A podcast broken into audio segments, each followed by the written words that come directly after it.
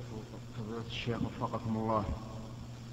هل يجوز للمرأة التي توفاها الله سبحانه وتعالى أن تترك تسافر مع رجل أجنبي بدون محرم؟ وسمعنا أنكم تقولون التي توفاها الله؟ نعم توفاها الله؟ كيف تستفيدون توفيه يعني جسدها يترك مع ساقنا مع رجل أجنبي. يعني تنتقل من منطقة من منطقة محارمها يتركونها يعني مع رجل أجنبي من منطقة لمنطقة. آه،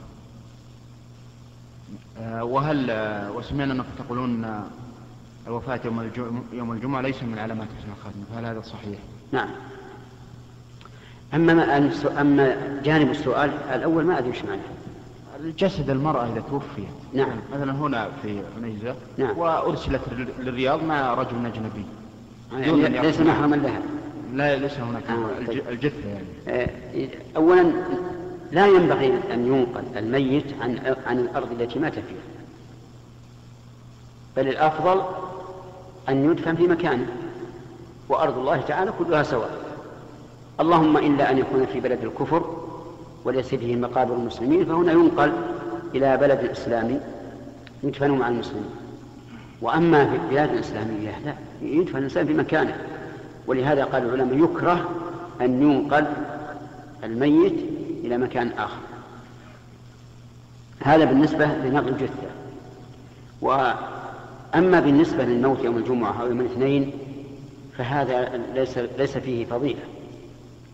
يعني بما لأن الإنسان إنما يثاب على أمر له فيه فضيلة. يعني له فيه عمل. وهل الإنسان يتمكن أن يؤجل الموت إذا جاءه يوم الخميس إلى يوم الجمعة؟ لا يمكن. فالشيء الذي ليس للإنسان فيه عمل هذا ليس فيه ثواب وليس, وليس فيه عقاب. لكن إن وردت أحاديث تدل على فضيلة الموت يوم الاثنين مثلا فنقول بها. أما إذا لم يرد فالأصل أن ما لا ما لا اختيار ما ليس للإنسان فيه اختيار ليس فيه ثواب ولا فضل.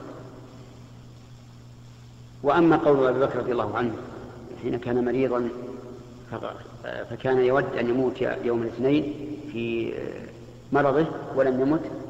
فهذا حبا له أن يموت في اليوم الذي مات فيه الرسول عليه الصلاة والسلام. نعم.